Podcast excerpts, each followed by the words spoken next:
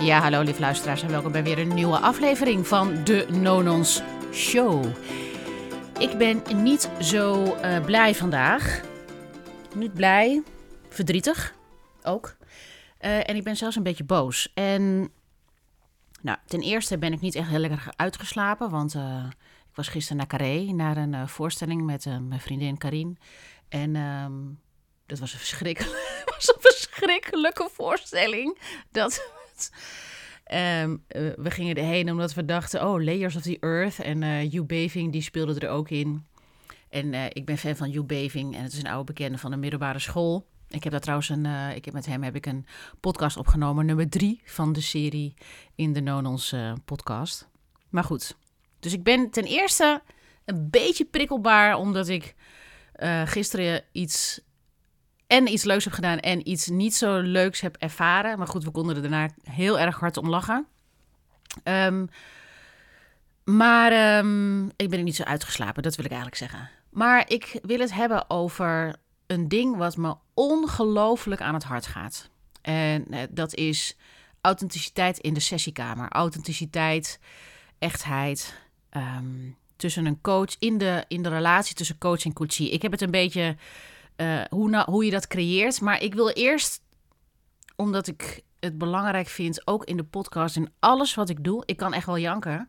Ik vind het zo ongelooflijk belangrijk dat we werken vanuit authenticiteit, eerlijkheid, oprechtheid.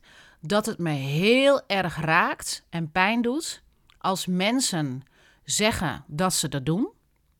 En dan vervolgens kom je ermee in aanraking in wat voor situatie dan ook. En dat maakt niet uit, kan, dat kan voor mij zijn in werk, maar dat kan ook privé zijn. Mensen die zeggen: Ik ben authentiek. Ik ben. Ik doe wat ik zeg. En dan vervolgens ervaar je dat het niet congruent is. Een heel moeilijk woord wat ik straks ga uitleggen. Ehm, dat het gewoon niet is wat ze zeggen dat ze doen. En congruentie is dat je doet wat je zegt. Dat is een heel ingewikkeld woord. Dat je dus handelt naar daar waar je in gelooft. En dat je dat ook echt doet. En dat kan heel erg lastig zijn om dat te bereiken. Maar ga het dan gewoon niet zeggen. Um, het gaat me aan het hart. En ik zal je zeggen waarom. Toen ik in. Ik ga eerst gewoon even een lange introductie geven. Van waarom vind ik dit nou zo ongelooflijk belangrijk? Het is mijn kernwaarde. Het is volgens mij datgene wat ik wat mijn bijdrage is aan de wereld.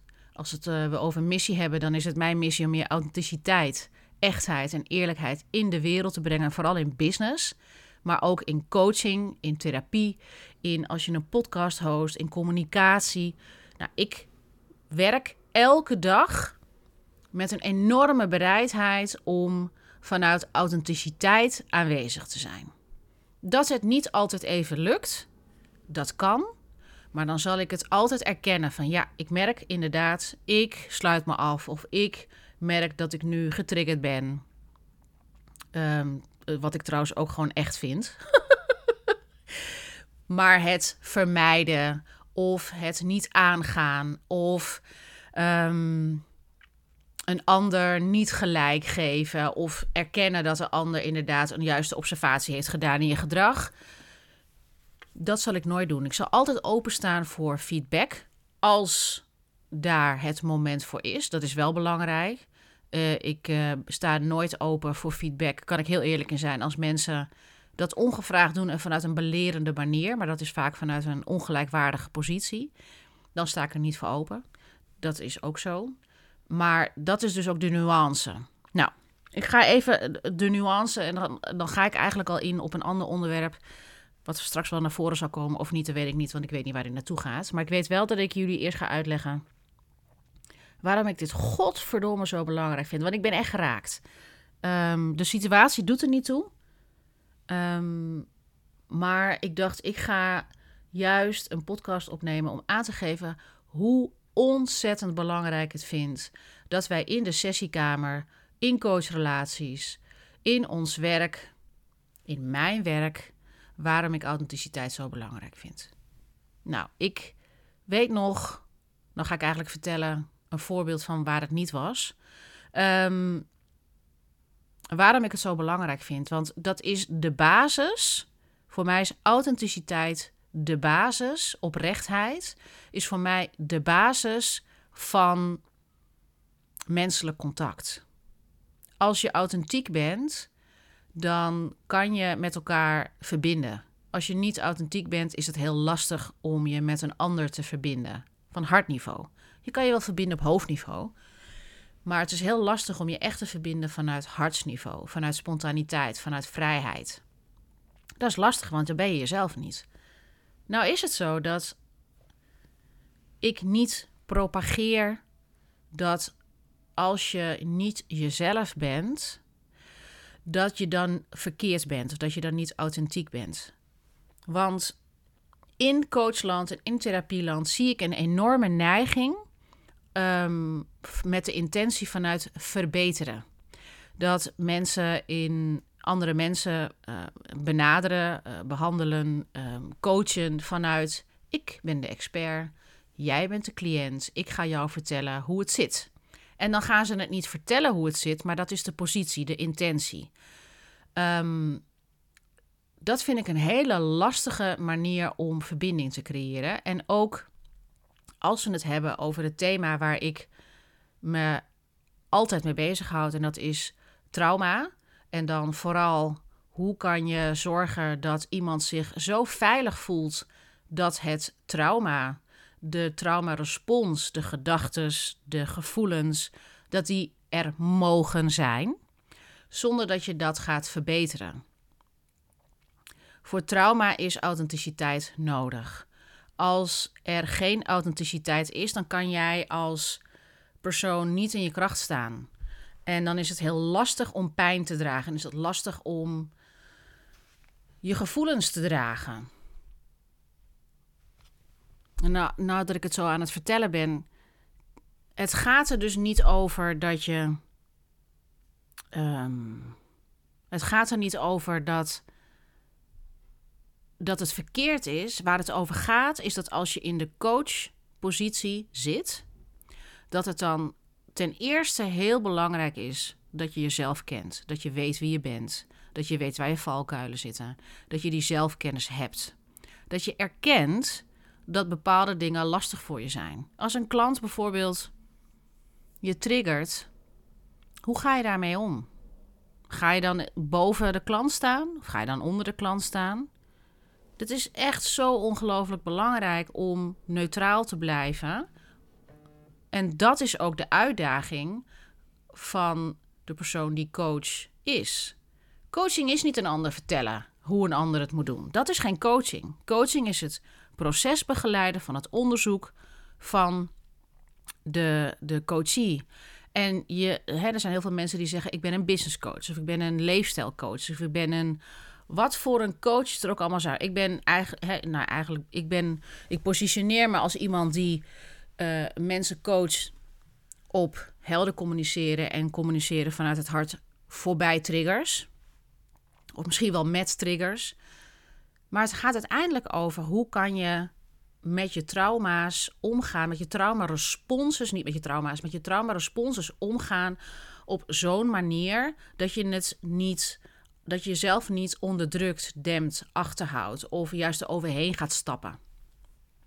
Maar dat je het aankijkt en dat je merkt: hey, dit zijn de gedachten als ik een traumarespons ben, als ik getriggerd ben. hey, dit zijn de gevoelens. Want die gevoelens en die gedachten, die zijn allemaal legitiem. Die mogen er zijn. Dus ik ben helemaal niet van, dat mag er allemaal niet zijn, dat is verkeerd en dat moet je veranderen. Uh, dat moet je um, verbeteren. Helemaal niet. Het gaat er juist over dat we daar compassie voor mogen hebben, voor die mechanismes. Want toen wij kind waren, um, daar is het gebeurd. We zijn geconditioneerd op basis van trauma's. Op basis van niet in je behoeftes worden voorzien. Op basis van um, dat je jezelf door een ervaring, als je heel jong bent en je moeder zegt tegen je: hé, hey, je mag niet boos zijn en dat je denkt, oh, laat ik het dan maar verstoppen. En dat gaat helemaal heel onbewust. Dat hebben we niet eens door je. Dat komt pas als je. Dat komt pas veel later in je leven. Naar voren. Maar die onbewuste reacties als kind. En dat je die dan naar voren brengt in een coachrelatie, omdat dat hetgene zit, dat zit tussen jou en de volgstappen in de toekomst, omdat je eigenlijk telkens gedrag vertoont wat je deed toen je drie, vier, vijf, zes of in de buik zat. Dat heeft authenticiteit nodig. Dat heeft compassie nodig, geen verbetering. En waarom ik dit zeg, is omdat we nog in een soort systeem leven, juist in coaching en in therapie, dat het lijkt alsof als de coach het niet weet en de coach niet de expert is, dat hij dan faalt of dat het niet oké is. Terwijl het is juist de bedoeling dat je als coach jezelf omarmt als mens. Dat het werk als coach. En dan heb ik het echt over coach. Want ik heb ook een discussie gehad met iemand op Instagram die zei: Ja, maar goed, als je coach bent op trauma, dan kan ik me voorstellen dat je dan dat allemaal van jezelf moet weten, kennen, doorleven, et cetera. Maar ja, als je leefstijlcoach bent, dan niet. Ja, ik vind dat gewoon dikke bullshit. Want als jij voor dit vak kiest en jij, wil, jij noemt jezelf coach, dan ben je een begeleider van het persoonlijke en emotionele proces van een ander persoon. Dat het uitkomt in dat iemand lastige situaties heeft op basis van gezondheid, of op basis van leefstijl, of op basis van business, waarom iemand niet vooruitkomt in business. En je zegt, weet je, ik ben uh, degene die jou een hele strate goede strategie kan geven. En ik kan je een stappenplan geven. Fantastisch. Fantastisch. Maar noem jezelf geen coach. Je bent een adviseur. Je bent een adviseur. Een coach is iemand die iemand anders begeleidt op emotioneel niveau. Om de patronen die iemand heeft, de conditioneringen die iemand heeft, die allemaal gebaseerd zijn op trauma. Dat is gebaseerd op trauma om die vrij te maken. En op een manier waar ik in geloof dat je het mag omarmen. Dat je dus niet zegt: hé, hey, mijn patronen zijn shit. Daar is niks shits aan. Dat is hoe je je jeugd bent door, uh, doorkomen. Hoe zeg je dat? Ja, dat is hoe je door je jeugd bent heen gegaan. Dat is hoe je op de middelbare school hebt kunnen overleven. Iedereen heeft het. En ook even voor de mensen die therapeuten en coaches zijn en alles proberen te doen om hun kind traumavrij te krijgen en dat ze niet in die patronen stappen. Stop ermee, want dat is menselijk. Ik denk dat wij met z'n allen een soort van veronderstelling hebben dat we uh, het kunnen verbeteren. Trauma kan je niet verbeteren. De ervaring van trauma, de ervaring van een nare gebeurtenis of een gebeurtenis die telkens gebeurt door je ouders, die misschien, ik zeg een voorbeeld, die het altijd tegen je hebben geschreeuwd, die nooit naar je konden luisteren, omdat zij ook dat niet hebben geleerd. Dat is traumatisch. Daarmee ga je jezelf dempen. Um, of een ouder die emotionele support nodig had en jij had een natuurlijk talent van empathie en bent voor je ouder gaan zorgen. Dat is trauma. Dan ben je gaan pleasen, je bent voor de ander gaan zorgen. En dat zijn patronen die pas je toe op elke situatie in je leven. Eten, je leefstijl, dat is daar allemaal, heeft daar allemaal mee te maken. Dus even voor de goede orde: een coach is iemand die dat emotionele proces begeleidt. En op welk vlak je dat dan ook doet. Als jij dat niet doet, dan ben je een adviseur. Dan ben je een mentor. Als jij je ervaring deelt aan iemand anders, je zegt: Ik heb tien jaar ervaring in business. Ik uh, heb geen uh, coachachtergrond, maar ik wil andere mensen helpen om um, goed te worden in hun business. Doordat ik deel mijn ervaring met hen deel om um, um, ja, successen te halen of juist bij te staan als zij tegenslagen hebben. Dan ben je een mentor. Maar laten we wel even de goede woorden gebruiken. Dat zijn eerste. Want heel Instagram staat vol met mensen die zich coach noemen. Je bent dan geen coach. Je bent dan een adviseur. Of je bent een ervaringsdeskundige. Je bent een mentor. Ik vind namelijk dat een coach is gewoon een vak waarin je als coach de hele tijd bezig bent met enerzijds zelfkennis. Hoe reageer ik op situaties? Hoe zorg ik dat ik mens blijf in de coachkamer? Of in de Zoomkamer. Dat is natuurlijk ook wat heel vaak gebeurt. Eh, en dat ik mens blijf. En dat ik niet in een expertrol ga zitten om mijn kwetsbaarheid af te schermen. Want ik zie het om me heen. Ik heb het zelf ook ervaren. Als ik het bij mezelf houd, mijn mentor, waar ik ongelooflijk veel van heb geleerd en waar ik heel dankbaar voor ben. Er kwam een moment waarin ik op hetzelfde niveau ging staan. Dus het, het was een, het was een, uh, een, een ouderwetse leeromgeving waarin de persoon, hij was ook een stuk ouder dan ik, andere generatie. Dus een andere benadering van hoe je kennis eh, overbrengt en ervaring, eh, ja, kennis, en vaardigheden. Dus hij zette zichzelf altijd in de guru-positie. Oké, daar kon ik doorheen kijken. Ehm, ik, kon dat, ik kon dat dealen, want ik had tegen mezelf gezegd: deze vaardigheden die hij doorgeeft, ehm, hoe je met compassie met trauma kan omgaan zonder dat je het wil verbeteren, dat heeft mij enorm geholpen. En ik zie dat dat mijn klanten enorm helpt. Dat hij zich zo positioneert, dat is zijn ja, narcistische karakter. Maar daar kan ik mee dealen. Toen zijn we samen zijn we naar, uh, hebben een retreat gedaan. Uh, ik had hem gevraagd om op uh, Mallorca mij bij te staan als co-facilitator, maar ook vooral als een soort buddy waar ik op terug kon vallen als ik vragen had. Want ik had nog nooit een retreat gegeven aan een groepcoaching, aan een groep van zes dames, vijf, zes dames. En het was vier dagen en ik wilde echt de diepte in. Dus echt op de diepste lagen, dat mensen zichzelf konden ontmoeten. En daar sterk, krachtig, veerkrachtig uitkomen. Nou, dat is een precair, dat is, dat is precair. Dat, is, dat, dat, dat vraagt een enorme zorgvuldigheid. Dat vraagt juist het tegenovergestelde van forceren heel erg aanwezig kunnen zijn bij de situatie, bij de persoon, zonder in de ik wil de ander verbeteren te stappen. Dat vraagt iets van de persoon die begeleidt. En ik wist, ik ben nog niet ervaren genoeg daarin om dat in een hele dag, vier dagen achter elkaar, uh, met een groep te doen. Dus het is zorgvuldig van mij om iemand anders te vragen die daar heel ervaren in is, en dan heb ik een soort van backup. Een backup waar ik vragen aan kan stellen. Waar ik ook echt kan zien hoe ga je hiermee om. Want soms is het juist in stilte dat je een ander de gelegenheid kan geven om die delen die we diep hebben weggestopt, om die naar voren te laten komen zonder dat je iets forceert. Het is juist in non-verbale communicatie. Het, is, het, is een, het, is een, een, het vraagt een bepaalde aanwezigheid van de coach.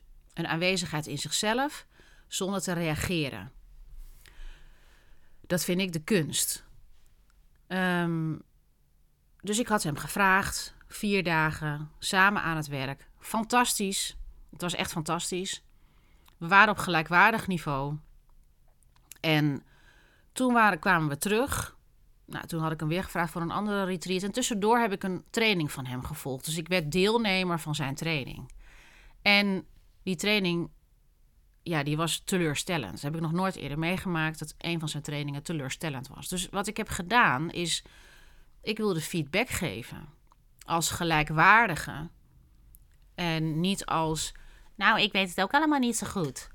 Als gelijkwaardig persoon feedback geven. Ik denk dat dat voor iedereen heel erg waardevol is als je een training volgt en ja, je wil feedback geven om, omdat je iets misschien niet goed vindt of je vindt iets ja, vooral de negatieve feedback, hè. Je vindt iets niet goed, of je vindt iets teleurstellend, of je had iets anders gewild, of nou ja, whatever. Ehm, dat je daar dan als degene die dat heeft gegeven, dat je daarna kan luisteren, kan vragen wat je het anders willen hebben. En dat je dan kan afvragen: wil ik dit anders doen of wil ik dat niet? En dan heb je een vrije keuze om het aan te passen of niet, natuurlijk. Maar dat je wel dat de ander hoort. Dat hoort bij dit hele proces. Um, dus ik had gevraagd van, goh, ik wil je toch wat feedback geven. Ik ga even een slokje van mijn koffie drinken. Het gaat over, ik zie even de titel staan. Het gaat over hoe creëer je authenticiteit in een coach-coachie relatie. Ik geef je een voorbeeld van wanneer het eigenlijk misgaat. En dat, dat is dit voorbeeld. Ik hou er altijd van om wat voorbeelden te geven en indirect um, je te vertellen hoe ik dat ervaar en zie. In plaats van, nou, punt 1, zorg voor gelijkwaardigheid. Nou, dat gaat nu komen. Punt 2, zorg dat je altijd eerlijk bent en dat je zelfkennis hebt. Dus ik uh, vraag een feedback sessie aan. wij hebben, of feedback sessie, gewoon een feedbackgesprek. Dus ik heb met hem een gesprek en ik zeg, nou, ik wil terugkomen op, dat, op de training. En ik merkte aan mezelf in de training dat ik niet zo diep ging als andere keren. En ik merkte ook dat uh, jij was afgeleid heel vaak tijdens de training. Klopt dat? Nou, het werd teruggekaast en hij zei: Hoe was dat voor jou? Ik zeg: Nee, ik wil niet dat jij het licht op mij zoomt. Ik wil graag dat jij me vertelt hoe jij dit ontvangt en hoe dit voor je is. En toen zei hij: daar, Toen ging hij daar niet op in. En toen kwam telkens het zoeklichtje op mij. Hij zei: Ja, nou ja, misschien uh, heb jij iets gedaan waardoor jij niet in de diepte kon. Of kwam je een defensiemechanisme tegen waardoor je niet kon openen. En toen dacht ik: Nee, jij brengt het zoeklichtje telkens naar mij toe. Terwijl jij je nu hierdoor niet kwetsbaar opstelt. Je gaat door in de therapeutenrol te stappen, nu juist je afschermen voor je eigen kwetsbaarheid. Want de gelijkwaardigheid zit hem dus in dat je deelt wat iets voor je is. Hoe iets ook iets voor je is geweest. Het gaat er niet over dat het verkeerd is gegaan. Maar het gaat erover dat je kan delen hoe iets voor je is. En dat je op die manier verbinding creëert doordat je kwetsbaarheid uit. En wat ik nog te vaak zie is in de. In de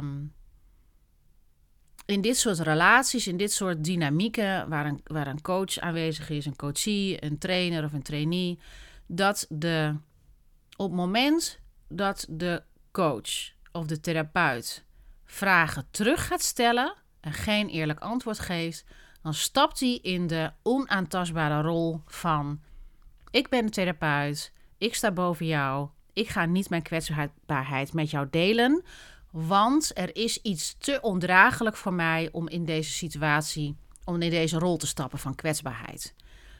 Want heel veel therapeuten en coaches, ook als ik voor mezelf spreek, het zijn altijd de mensen die anderen hebben verzorgd of anderen verzorgen. Of juist de mensen die zich helemaal niet verzorgd hebben gevoeld, gezorgd hebben gevoeld en dan uh, als therapeut zich door anderen te verzorgen datgene geven wat ze zelf hebben gemist. Daar zitten allerlei dynamieken achter.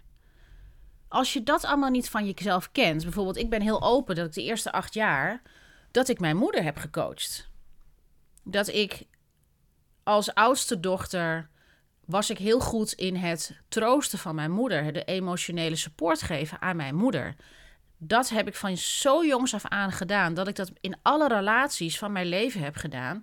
Ook bij vriendinnen. Dan was ik altijd de expert. Ik was altijd degene die zei: Ik ben de helper. Ik ga jou wel helpen. Ik trok ook mensen aan die het dan niet zo goed wisten. Hè, dat gebeurt dan ook. Omdat ik mezelf helemaal niet kwetsbaar opstelde. Op het moment dat ik daar genoeg van had, toen ging ik dat zelf onderzoeken. En toen heb ik gezien: ja, ik vind het lastig om kwetsbaar te zijn. Maar als ik dit werk wil vervolgen, is het heel belangrijk om me kwetsbaar op te stellen. Dus nu, als ik in een coachrelatie zit met een coachie, dan.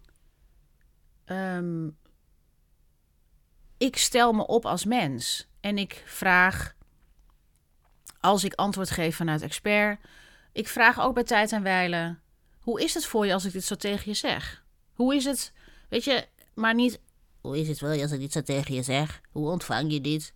Maar hoe is het? Voel jij je gelijkwaardig? Of voel je je niet gelijkwaardig? Is er iets wat ik anders kan doen? Is er iets wat jij anders kan doen? Ik heb het over de relatie tussen coach en coachie. Ik heb het daarover vanaf het begin dat iemand gaat onboorden bij mij. Dat als iemand niet tevreden is, dat hij datgene dat dan gaat zeggen. Dat staat zwart op wit. En ik ga toetsen. Ik ga vragen van, goh, zijn, ben je ergens ontevreden over? Of is er iets wat je anders zou willen hebben? Is er iets wat ik anders kan doen? Als ik dat niet zou doen, dan creëer ik, en dat is heel makkelijk, want het is best persoonlijk werk ook, dan creëer ik een muur. Ik moet je zeggen, het is niet makkelijk, maar ik doe het wel. En wat ik vooral doe, is als ik bijvoorbeeld, bijvoorbeeld in sessies ben om die authenticiteit te creëren of om die gelijkwaardigheid te creëren. Ik zeg ook, dus de eerste sessie samen met jou, ik vind het ook spannend. Hè, er, is een, er is een aanwezigheid hier in mij, of dat klinkt wel heel vaag als ik dat zeg. Ik ben heel aanwezig in het hier en nu. En ik merk op, ja, er is ook een gedeelte, een jong gedeelte in mezelf die ook aanwezig is, zit rond te kijken.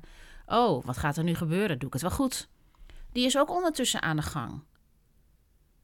En op het moment dat ik dat altijd uit bij andere mensen, bij mijn coaches, dan zie je ze kijken als? Ik zeg, ja, natuurlijk, ik ben toch gewoon mens? En hoe is dat voor je als ik het met je deel? En heel veel mensen smelten dan omdat ze denken: ah, ik zit hier in een gelijkwaardige situatie. Ik denk dat we in een, vanuit een systeem aan het groeien zijn. Ik hoop het, want ik ben echt niet de enige natuurlijk hierin. Maar ik hoop dat we uit een systeem aan het groeien zijn binnen therapie en binnen coaching. Dat, en dan heb ik het nog niet eens over jeugdhulpverlening en over de, de, de, de reguliere mentale zorg. We moeten ervan af dat de therapeut zegt hoe het echt is. Dat de therapeut de kenner is. Dat de therapeut de diagnose stelt. Dat de therapeut ehm, degene is die het allemaal wel weet. Nee, we zijn van mens op mens. En wat ik gezien heb in tien jaar mensen begeleiden. En ik zeg expres nu tien jaar, omdat het een, een, een lange tijd van ervaring is. En ik spreek uit die ervaring. Ik doe dit niet één jaar, ik doe dit niet twee jaar.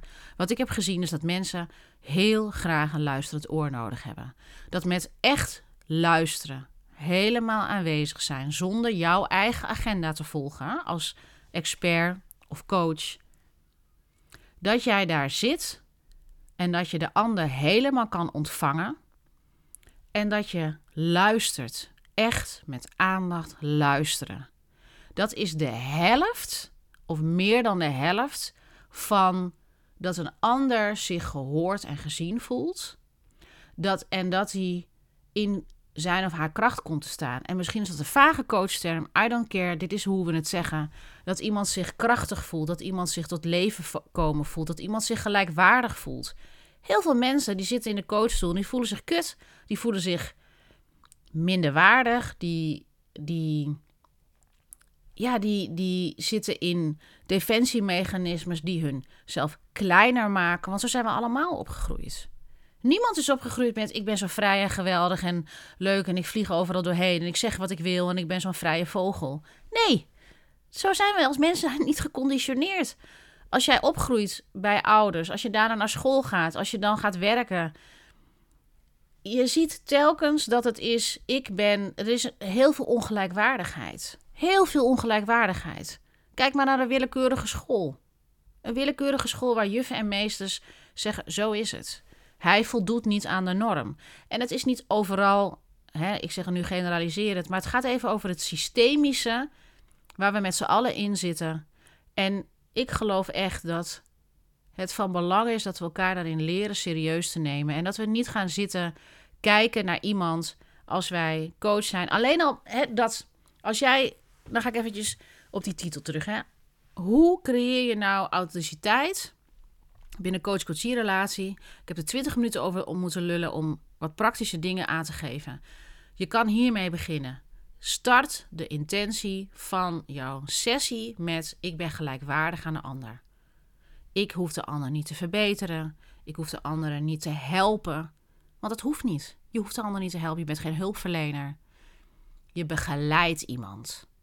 En dat begeleiden is op gelijkwaardig niveau. Die persoon die is krachtig. Die persoon heeft zelf, is een autonoom persoon, heeft zelf antwoorden in zich. Ik moet trouwens reageren, want ik zag gisteren dat twee mensen zeiden: Oh, wat verschrikkelijk dat ik de antwoorden in mezelf heb. Ja, die heb je ook in jezelf. Uh, en het is juist de bedoeling dat je de bereidheid hebt en de begeleiding ontvangt om die eigen innerlijke wijsheid en eigen kennis, om die weer op te rakelen onder al die ideeën. Ik weet het niet zo goed. En um, ja, maar ik uh, vraag het toch aan jou, omdat uh, ik heb toch jou als coach om te, um, om te weten hoe ik het moet doen. Ja, maar dat is niet dat is heel erg vanuit een kindgedachte, vanuit niet een autonome situatie. Het gaat er juist over dat je gaat onderzoeken hoe iets voor jezelf is. En dat een ander je daar de tools voor geeft. Van oké, dit zijn je gedachten, dit zijn je gevoelens. Ga ze opschrijven, ga ze onderzoeken. Hoe reageer je op situaties? En dat je door dat onderzoek ga je tegelijkertijd inzichten halen. En uit die inzichten kan je kiezen om je gedrag te gaan aanpassen en veranderen. Het begint allemaal met bewustwording. Ik word er een beetje.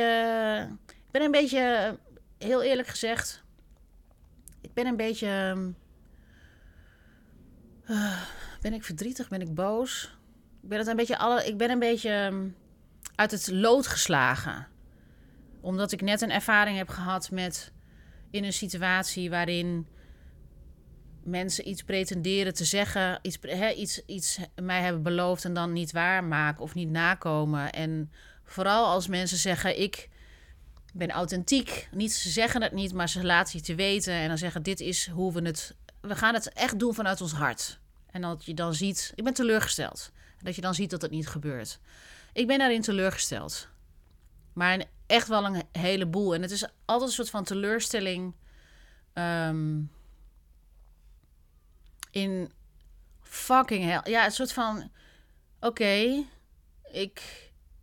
Ja, is het. nu ben ik nog een beetje. Nu ben ik een beetje fatalistisch. Dan denk ik, oh, er is nog zoveel werk te doen. Maar ja, dit is ook hoe het is. Dit is hoe het is. En ik heb alleen invloed op wat ik doe. Ik heb invloed op uh, hoe ik mijn sessies doe. Ik heb invloed hoe ik mijn Instagram-account um, inricht. Mijn LinkedIn, hoe ik mijn, mijn relaties beïnvloed.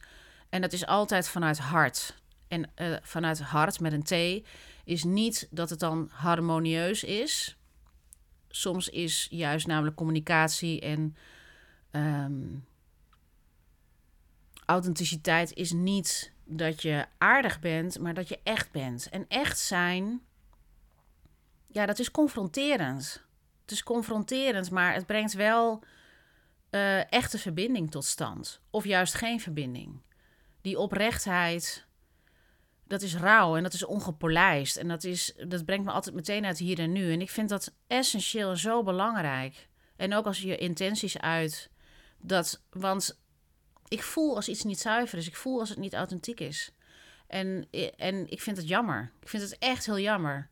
En dan weer in het licht van... waarom vind ik het zo jammer? En waarom vind ik het zo belangrijk? We leven maar zo kort op deze aarde. Dus waarom doen we nou ingewikkeld? En ingewikkeld is onoprecht doen. Ingewikkeld is jezelf niet laten zien. Dat is ingewikkeld. Het is juist heel erg verfrissend om te zeggen: Ja, ik had het beloofd en ik heb het niet waar kunnen maken, want ik durfde niet. Nou, dan ben je eerlijk. Snap je? Of um, is er een coach, coachie-relatie en de coachie die triggert iets bij je en dat je dat zegt. Dat je zegt, weet je wat? Ik merk aan je dat ik, ik... Wat ik merk aan deze situatie is dat ik heel graag wil dat jij snel aan jouw doelen werkt, maar dat het langzamer gaat. En dat frustreert me. Het frustreert me omdat het me ook onmachtig doet voelen. Want ik voel onmacht als mensen hun resultaten niet snel halen. Ik zeg maar wat. Weet je? En dan kan je nog kiezen of je het zegt of niet, want je moet weten wie je voor je hebt. Kan die dat uh, ontvangen of gaat hij dan voor je zorgen? Maar ik denk wel, waarom zouden we dat soort gesprekken niet hebben? Daar leer je zoveel meer van dan achter dat schermpje zitten van ik ben de expert. Ik denk dat het dan, dan wordt het steeds, dan wordt het levendig. Dan kom je tot leven. Ook als coach. Ook als en, en als je dit luistert, je bent coachie, vraag jezelf eens af. ben je met een coach die. Ben je met een coach die zich kwetsbaar durft op te stellen, die eerlijk durft te zijn, die durft te erkennen, ja, ik struggle hiermee. Heb je het gevoel dat je je ja, veilig, dat je veilig bent daarin, dat je oprecht echt alles kan zeggen? Of zijn er dingen waar je schaamte op hebt dat je denkt, ja, maar wat gaat zij nou denken? Ik heb wel eens gehad dat klanten inderdaad zeiden, die spraken dan een bericht in, vond ik zo grappig. En die zeiden, ja, ik denk dan van alles hiervan, maar ik ga toch zeggen, ik schaam me kapot, maar ik ga toch zeggen wat ik denk. Ja, wat gaat zij er allemaal van denken? Prachtig. Maar ze zeggen het wel. En ze zeggen, ik heb het gevoel dat ik, me, dat ik schaam, dat ik me schaam voor datgene wat ik graag wil zeggen. Dan worden we oprecht. En dan ga je ook oefenen, meteen oefen je eigenlijk met de dingen die je terughouden, dat je zelf een stem in je hoofd hebt geïnternaliseerd die zegt, ja, gaat, zij, gaat, uh, zij gaat natuurlijk dit en dit en dit allemaal denken. Ja, dat ga ik allemaal natuurlijk niet zeggen. Maar dat je het dus inspreekt bij, nou ja, in ieder geval is dat bij mij, dat vind ik altijd heel prettig. Want dan denk ik, als jij bij mij het kan starten om dit te doen, dan kan je dat de volgende keer bij je vriendin doen, bij je vader, bij je moeder, bij je collega, bij een klant, bij, nou ja, noem het maar op. Dat we dit dus voorbij onze defensiemechanismes gaan leren spreken, communiceren vanuit het hart. Dat maakt dat we tot verbinding komen. Ik ben een beetje aan het overpijnzen. Ik weet ook helemaal niet of je er wat aan hebt gehad in deze podcast. Ik hoop het. Dit waren een beetje mijn overpijzingen. Niet misschien een directe, dit, is, dit zijn de praktische tips. Ik denk ook altijd van, ja, haal de lering uit van wat jouw inspiratie is, wat jij hebt gehoord, wat ik misschien niet heb gezegd, maar wat je eruit hebt gehaald. Want je haalt er altijd natuurlijk wel wat uit. Ik ga het voor nu ga ik het stoppen. Ik ga lekker even een dutje doen. En ik ben benieuwd naar je reacties. Lieve mensen, dankjewel voor het luisteren en tot de volgende.